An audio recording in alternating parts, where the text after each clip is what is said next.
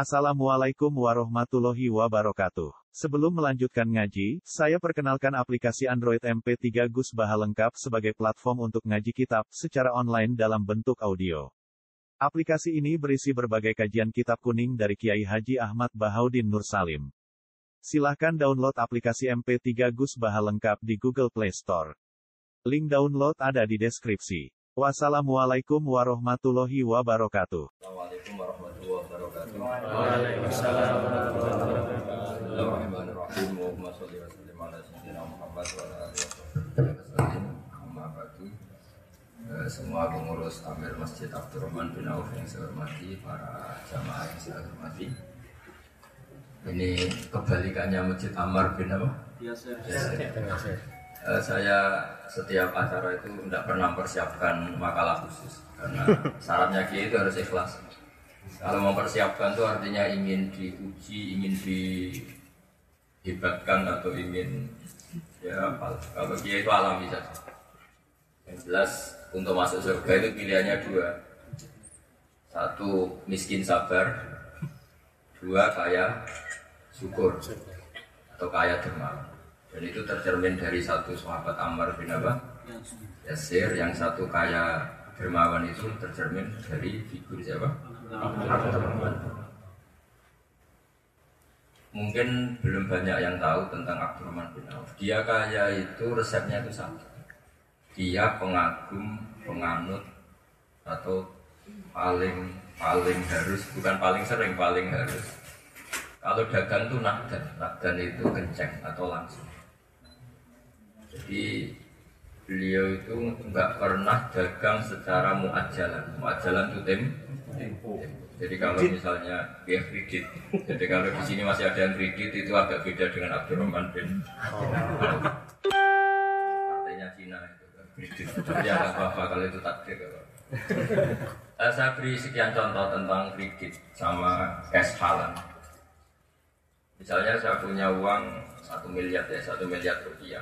Itu kalau dibangkan dengan asumsi bunga itu paling satu bulan berapa? Berkabarnya saya tanya orang-orang kaya itu sekitar hasilnya 8 juta ya. Berapa? 3 juta 8 juta ya? satu tahun Satu bulan? Apa satu bulan satu bulan Tiga tiga juta Hah? tiga juta 3 juta. 3 juta satu bulan? Satu miliar. Pernah merasakan apa? cek membayangkan Bayangkan. Kalau tiga ini kebenaran ini santai aja yang rileks ini kan hanya itu. Suwandi begini sih soalnya dikecilin kan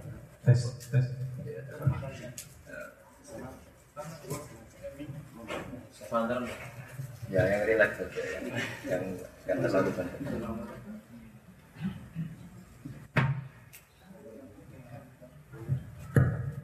Berapa tadi dihitung?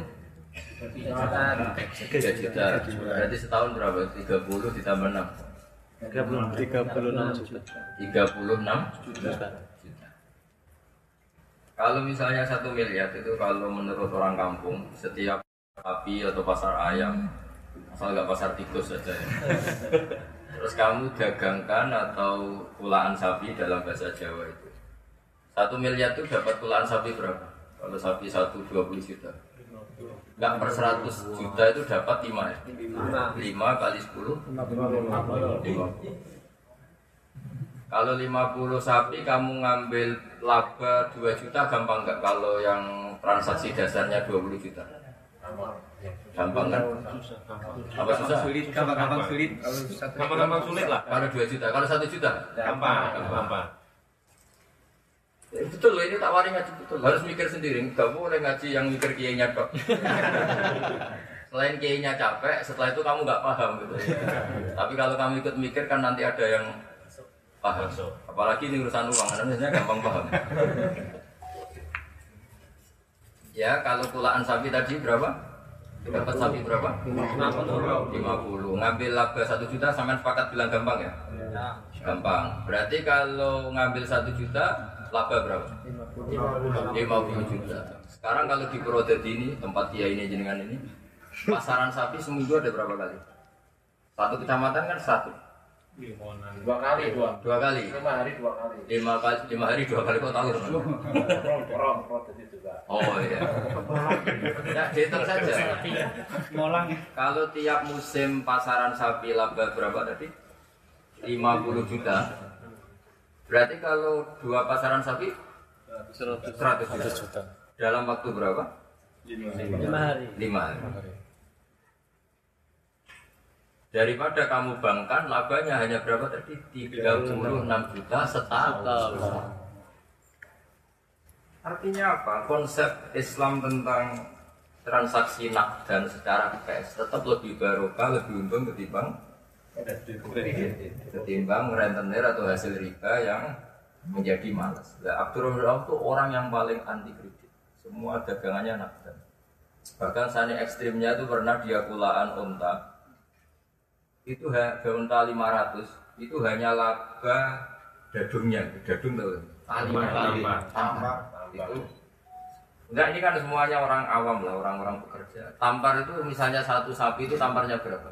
Enggak lah, lebih itu pada lima ribu loh. Enak aja. Sepuluh ribu, sepuluh ribu lah. Ada satu uang sepuluh ribu. Enggak, enggak bilang aja sepuluh ribu. Sepuluh ribu kali seratus berapa? Satu juta. Ya? Satu juta. Satu juta.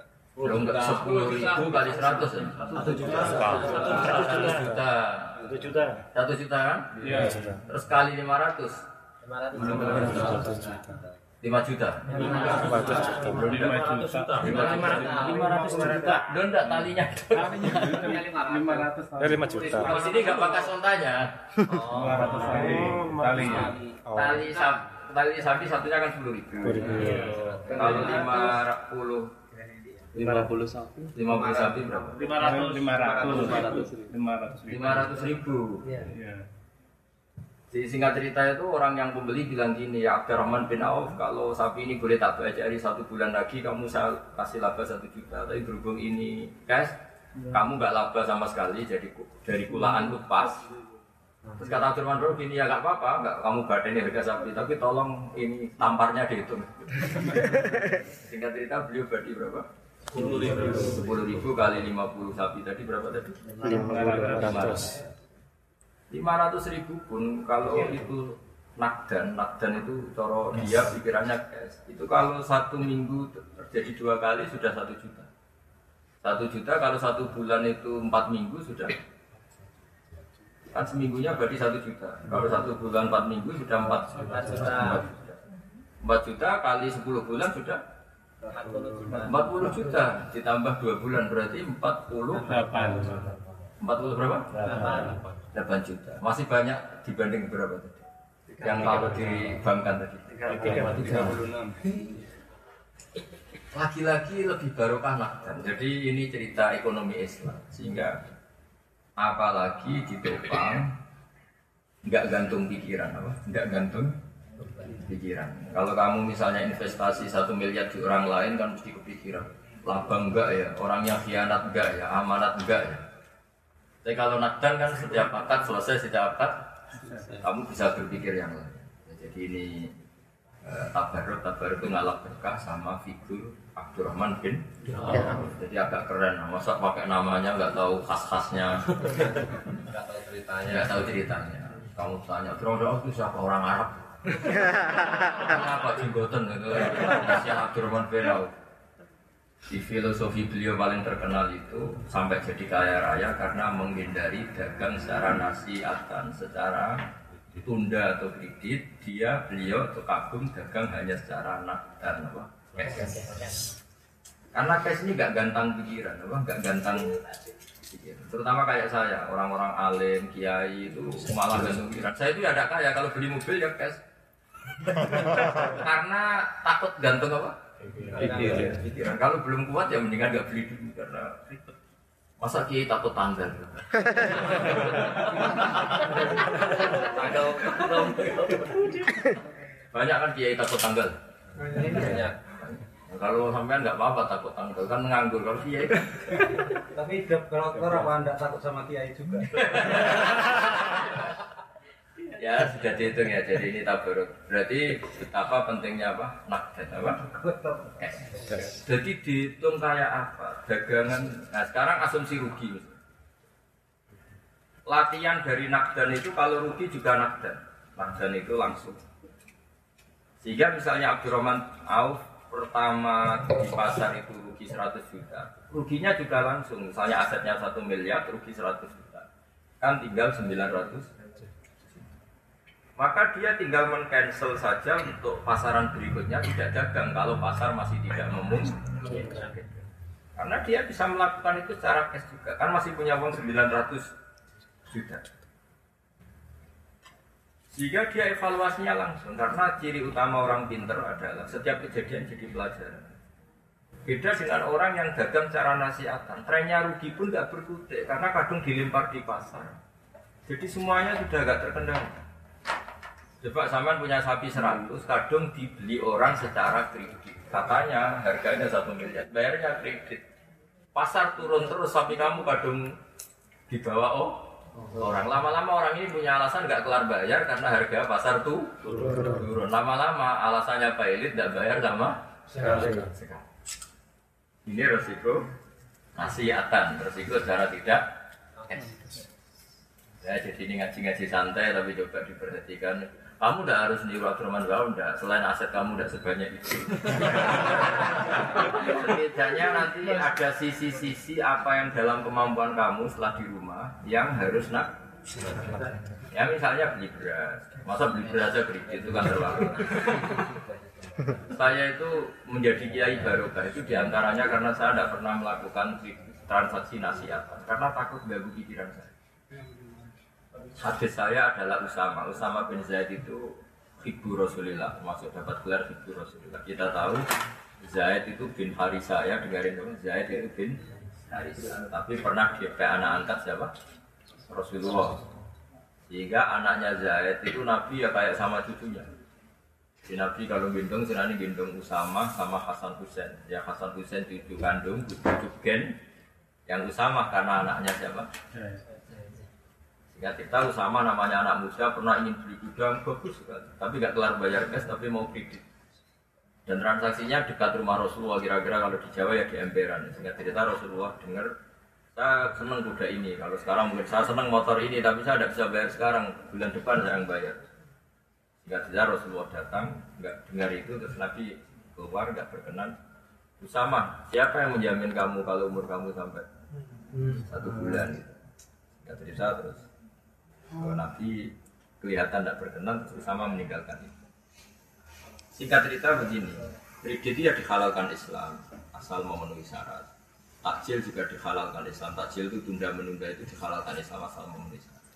Tapi kalian semua sebagai kader Islam harus ada sesuatu yang menjadi kebutuhan kamu itu tidak menggantang. Orang Jawa itu orang orang orang menggantangkan.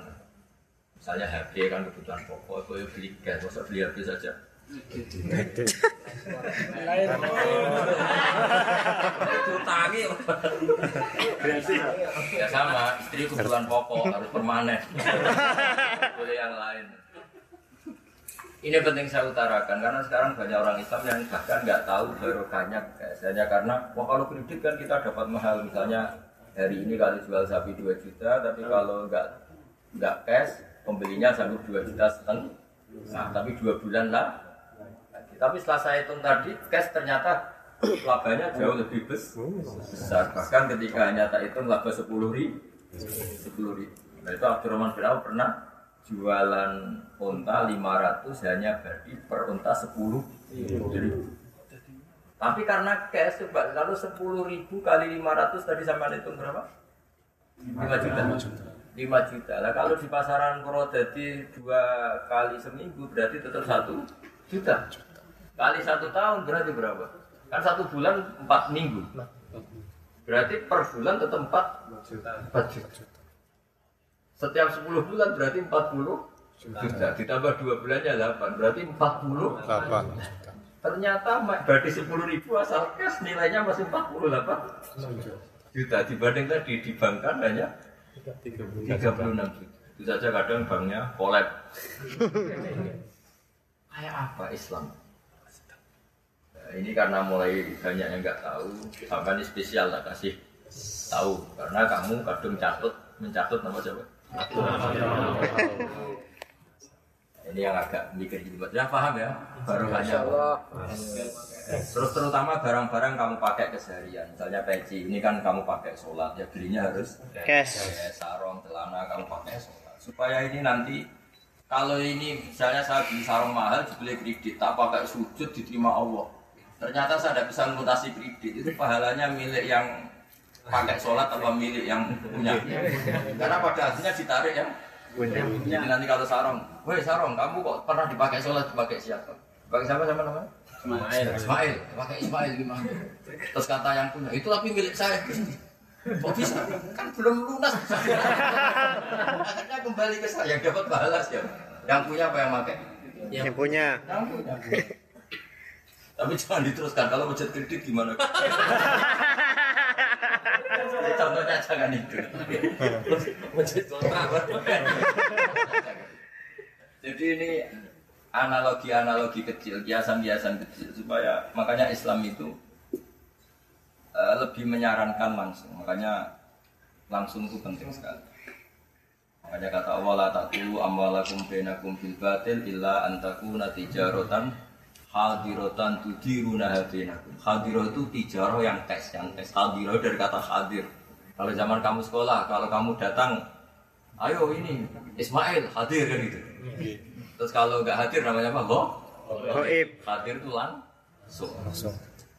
Jadi saya mohon sekali lewat ngaji ini hal-hal yang jadi kebutuhan kamu keseharian, terutama yang terkait ibadah, usahakan milik kamu 100 Kalau ditakdir enggak, ya takdir. Tapi usahakan yang keseharian itu milik 100 Itu madhab yang dianut Abdurrahman bin Auf. Sampai pernah dia dagang konta, kalau dibeli satu bulan lagi dikasih laba satu juta, kalau langsung hanya sepuluh ribu, dia milik yang sepuluh ribu tapi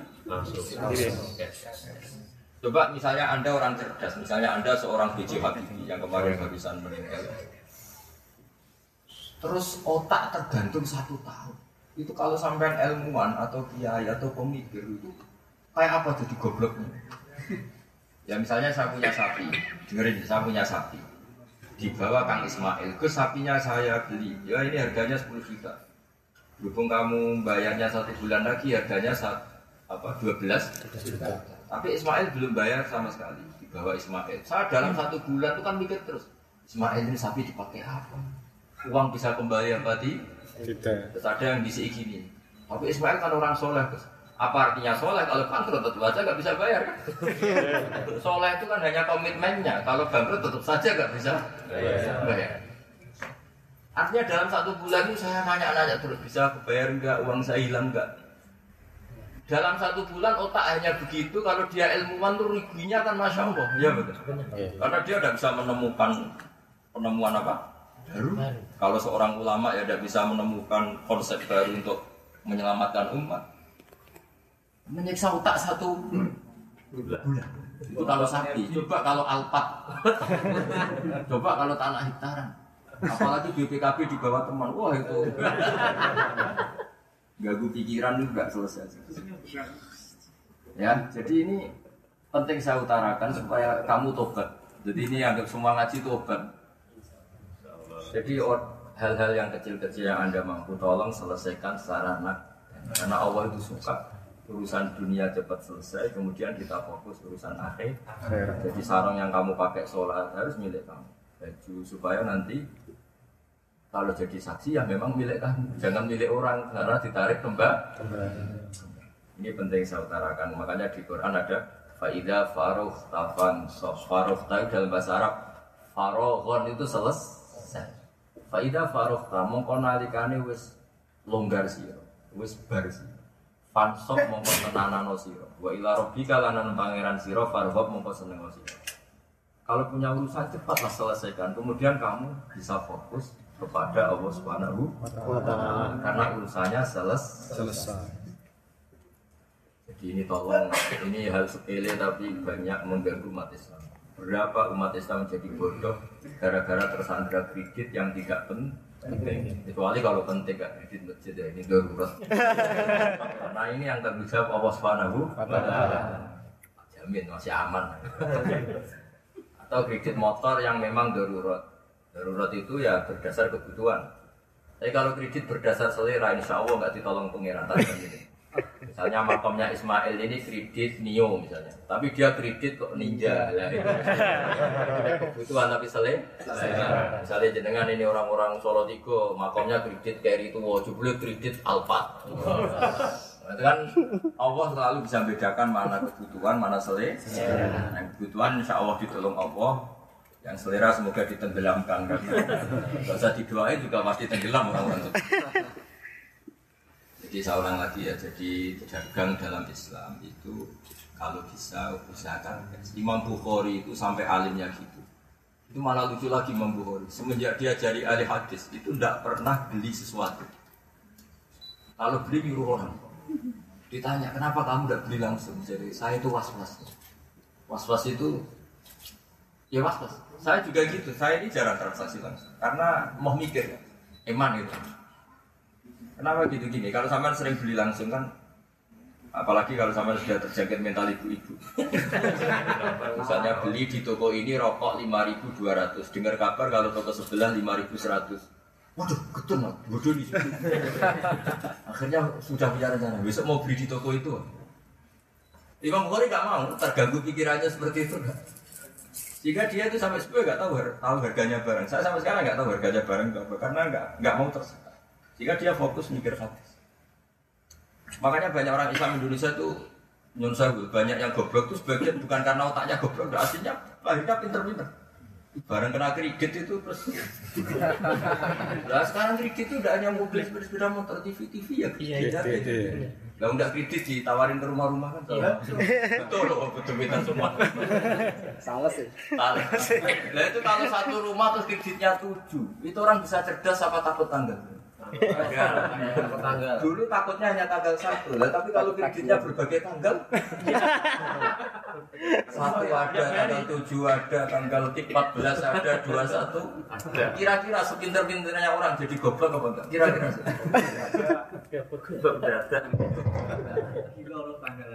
Itu sudah bagus kalau goblok, kalau stres.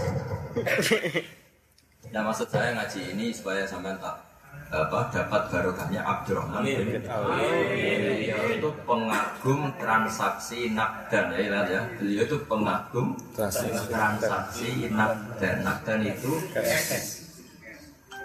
Ketiga, saya akan nasihati empat hal. Ketiga, menyangkut teman. Usahakan dengan temanku yang baik. Sebagian teman itu konflik. Ujung-ujungnya karena transaksi yang nasiatan secara tempo.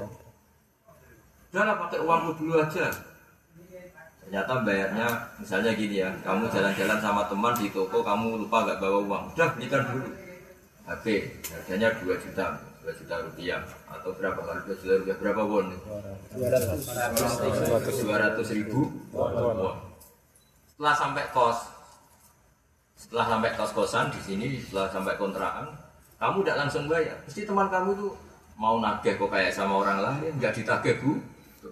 Akhirnya dalam seminggu mulai ini teman apa enggak? Terus kamu yang mulai nakal, kok enggak ditagih? Enggak usah, enggak apa-apa. Tapi lama-lama ini jadi hal yang ganjil antara pertemanan. Itu juga mengganggu. Makanya hal-hal yang begini coba jangan diteruskan supaya apa clear, apa?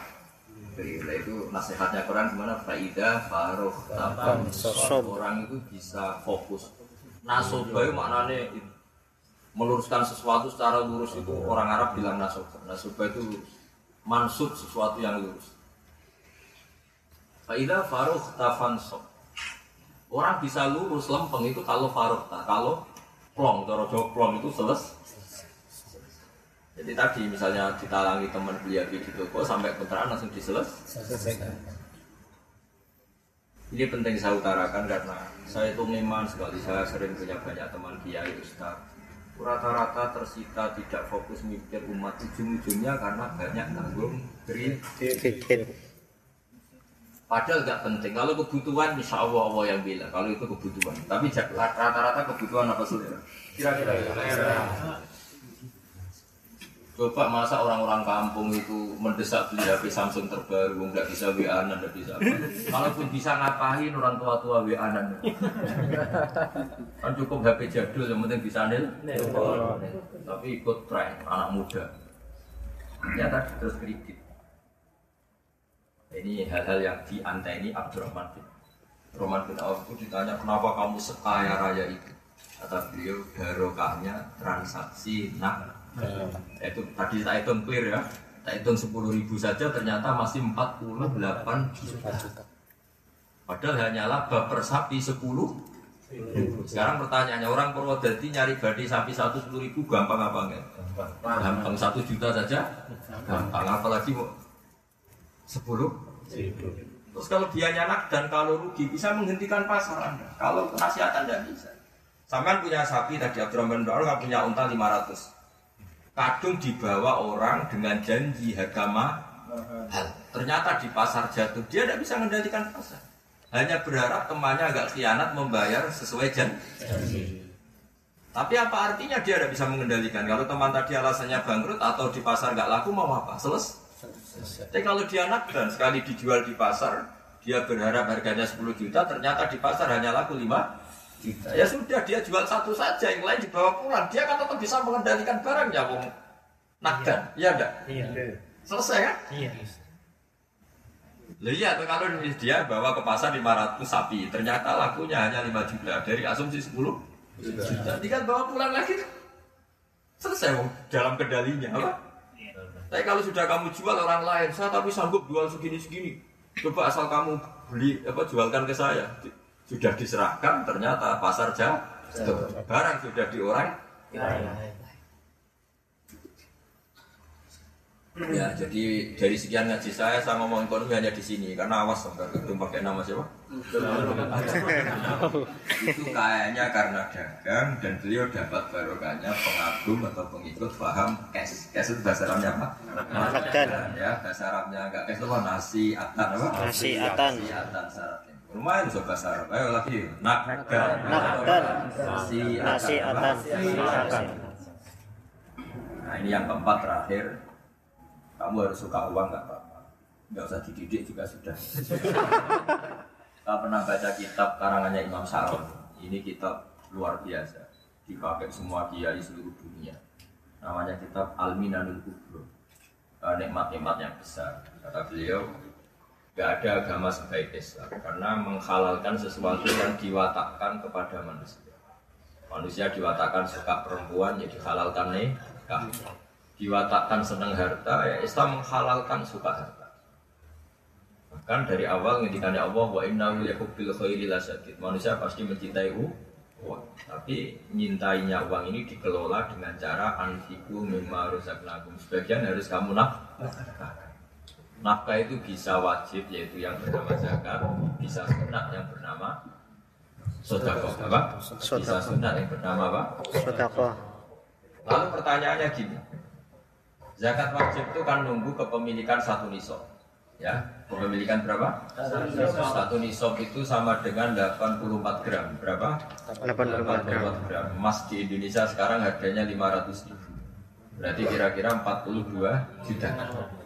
Berapa? 42 juta. Nah, tapi Islam itu saking baiknya mewajibkan zakat itu nunggu harta kamu itu ngendon itu setahun disebut haul apa? Mungkin teman-teman kan sering punya uang 42 juta tapi kan keluar masuk apa keluar tidak masuk lagi. Jadi Islam itu saking baiknya mewajibkan itu nunggu wajib zakat itu kan ada dua ada nisab haul. Nisabnya sering kan? Oh, sering kan, sak ngawur-ngawurnya orang sering punya harta 42 juta. Tapi kalau kalau haulnya banyaknya tagihan ini kan. sering kan kalau punya segitu masih sering ya? Masih sering. Tapi haulnya Nah, yang unik dari teori zakat itu adalah perdebatan antara Imam Syafi'i dan Syaiban ar Yang satu ulama syariat yaitu kita tahu Imam Syafi'i, yang satu ulama hadis namanya Syaiban ar Syaiban ar itu orang sufi. Ya kira-kira mirip saya, sufi. Eh, tapi beliau itu berteman akrab. Sama-sama orang alim, sama-sama alamah, sama-sama mujtahid berteman akrab. Yang satu fikih agak-agak pemerintahan yaitu fikih Syafi'i itu fikul khilafah karena beliau eh, kodi kodi itu ya semacam pejabat negara. Eh, sementara Syekh Roy itu benar-benar fikih fikih tasawuf. Dan ini kamu pasti mengikuti Syekh Roy. Hebatnya orang Indonesia mengikuti Syekh Roy. Dan pendapat beliau dibenarkan sampai cuma nggak dibenarkan negara. Jadi boleh pendapat itu dibenarkan ulama, tapi nggak dibenarkan negara. Karena negara juga punya aturan. Begini misalnya, ini dengerin betul. Nanti sama mesti harus. Sama saya kita bedai. Zakat itu tujuannya apa? Bersihkan harta kan. Dari kata zakat, yuzaki, tasgiatan membersihkan. Sekarang pertanyaannya, harta sampean itu kotor kalau jumlahnya 42 juta, apa 2 juta saja juga potensi kotor? Juta potensi kotor. Ada potensi kotor. Mungkin malah nggak potensi ya, cuma kotor.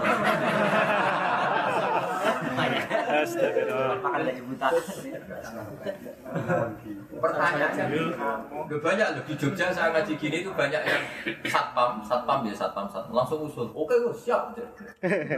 Karena saya contohkan gini. Imam Syafi'i itu ditanya, main ke Syekh Roy.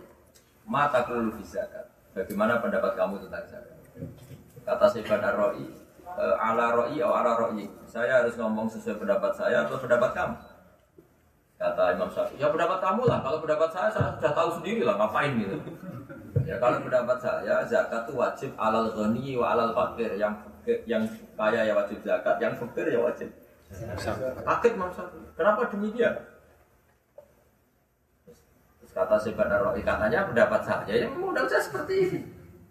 Terus tanya, alasannya? Zakat itu kan pembersih harta. Memangnya hartanya orang fakir mesti bersih. Coba kalau sampean lihat tontonan-tontonan dangdut di kampung-kampung. Lapangan itu milik publik apa milik seseorang? Publik. Milik publik. Kalau ada tontonan di kampung dangdutan entah apa, ada empat anak beli rafia itu paling hanya lima ribu, ya kan? Kewalangi, terus ada parkiran. Itu hasilnya dibagi satu kampung yang fakir apa yang beli rafia? Halal murni apa enggak? Halal. Bisa halal murni, wong enggak miliknya kok. Wong enggak miliknya kok.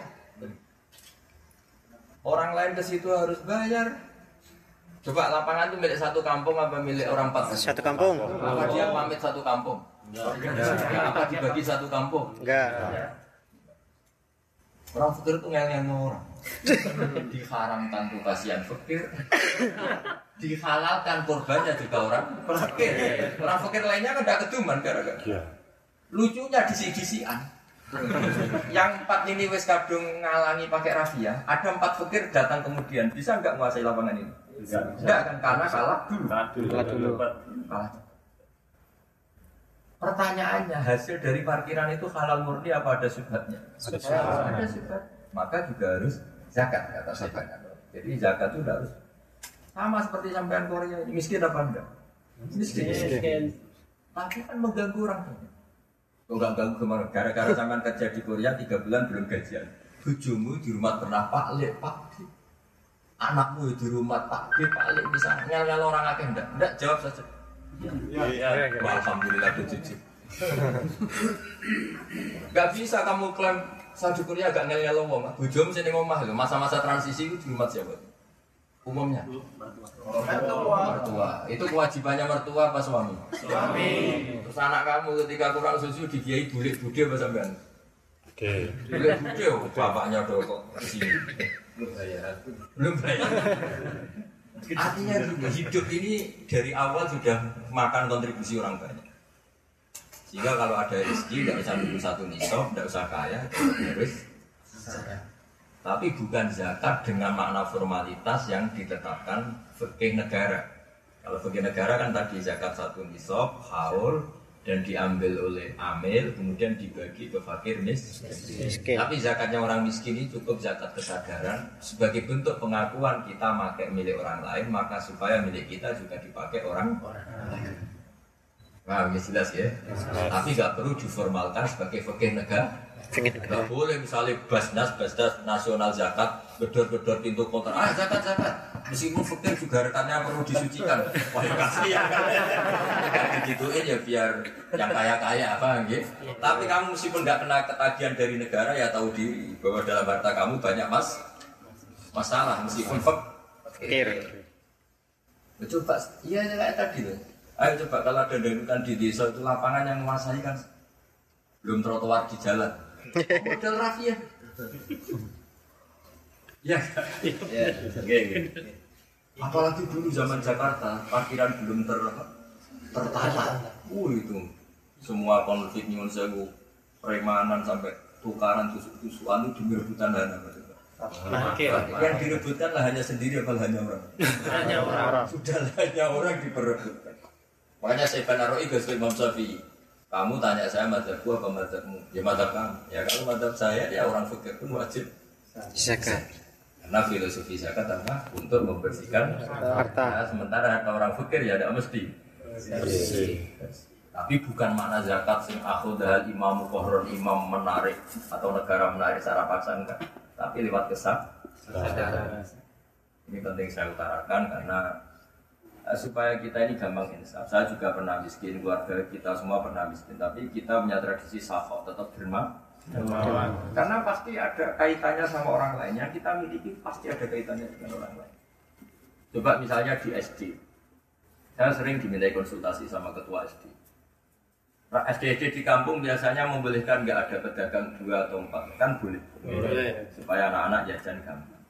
Lucunya orang miskin, rata-rata yang nyuwun sewu yang dagang di situ kan ya orang susah. Tapi orang susah yang makan orang susah juga. Ketika orang empat ini sudah permanen, terus Kang Ismail datang, Pak Kepala SD saya juga ingin datang di sini. Itu yang benci yang orang empat itu. Jangan Pak sekolah. Empat saja sudah cukup, ngapain datangi yang baru? Jadi fakir menghalangi orang Kir. Pertanyaannya adalah, haknya apa orang empat pertama ini menghalangi yang lain? Enggak haknya, bukan masalah iya, khawatirnya kalah saing. Haknya apa melarang orang? Lalu SD yang milih umum kenapa hanya orang empat yang boleh di sini? Paham tuh yang saya maksud? Hanya orang fakir yang dagang di situ juga harus sadar bahwa dia menguasai milik publik dan menghalangi yang Kir. maka ini kalau ditegir punya rezeki, bu ya oh, sebagian itu diamalkan, ya. Ya sebagian itu. Ya ada harus banyak. Misalnya badi satu hari badi sepuluh ribu ya, amal 100 perak atau 200 perak, guling-gilingan bahwa dia bisa nyaman dagang di situ karena legonya fakir-fakir yang lain membiarkan dia penguasa di situ. Nah kalau fakir yang lain tidak terima, satu kampung orang fakir rata-rata misalnya 100 yang dagang di situ empat kalau yang 96 demo saja. Paham ya? Itu, itu. Makanya ini penting ngaji ini. Kalau nggak ngaji sama ulama kamu nggak pernah dengar hukum seperti itu. Makanya zakat itu ya hanya kewajiban bagi orang kaya tapi tetap saja zakat filosofinya apa? Tathirul mal mensucikan. Dan hartanya orang miskin juga nggak mesti. Loh, ya jelas. Coba misalnya orang miskin yang ikut kapal-kapal besar mancing. Sarananya pakai bosnya apa apa milik bosnya. Kalau mancing disuruh ngepak sendiri Nah, majikan jangan udah boleh ini yang mancing. Lalu tanya alatnya dari mana? Ya milik jenengan, kapalnya ya milik jenengan. Tapi yang mancing saya. itu sudah dipakai alasan untuk menguasai 100 per. Padahal hakikatnya ada kontribusi bos karena kapalnya milik bos ngambil bank misalnya, bank juga uang rakyat kembali. Jadi tidak bisa. Sebab itu Allah ngendikan wafi amwalihim hakul lisa wal mahrum. Dalam harta kalian, harta kita semua atau harta mereka tetap ada hak bagi orang lain. Kamu karena nggak bisa dihindari. Makanya akhirnya satpam-satpam di Jogja banyak ngaji saya itu cerita. Oke Gus siap. Jika yang satpam-satpam ngaji saya itu, misalnya yang menguasai Indomaret, apa Alfamaret atau apalah yang kebetulan kesatpamannya diberikan dia atau keparkirannya diberikan dia satu hari kadang dapat 200 ribu, 300 ribu. Mereka cerita ke saya, iya hasil mesti tak kasihkan yatim 20 ribu, 10 ribu. Alhamdulillah. Alhamdulillah. Karena kesadaran tadi. Kenapa ini milik publik? Oh yang menguasai satu dua. Tapi saya tidak mendidik yang lain untuk protes enggak. Ini selama ini kan orang sudah baik, sudah legowo. Orang fakir di Indonesia itu luar biasa sopannya. Sama-sama fakir, tapi kalau lapangan sudah dikalangi sama yang lebih dulu ya sudah gak apa. Cuma yang ngalangi tak ingetin, tetap itu ada hak orang. Lain. Masuk akal ini? Oke. Ya, saya kira demikian pokoknya sama eh, adalah satu dua sisi yang jenengan niru siapa Abdurrahman bin Auf itu beliau pengagum dagang secara natural.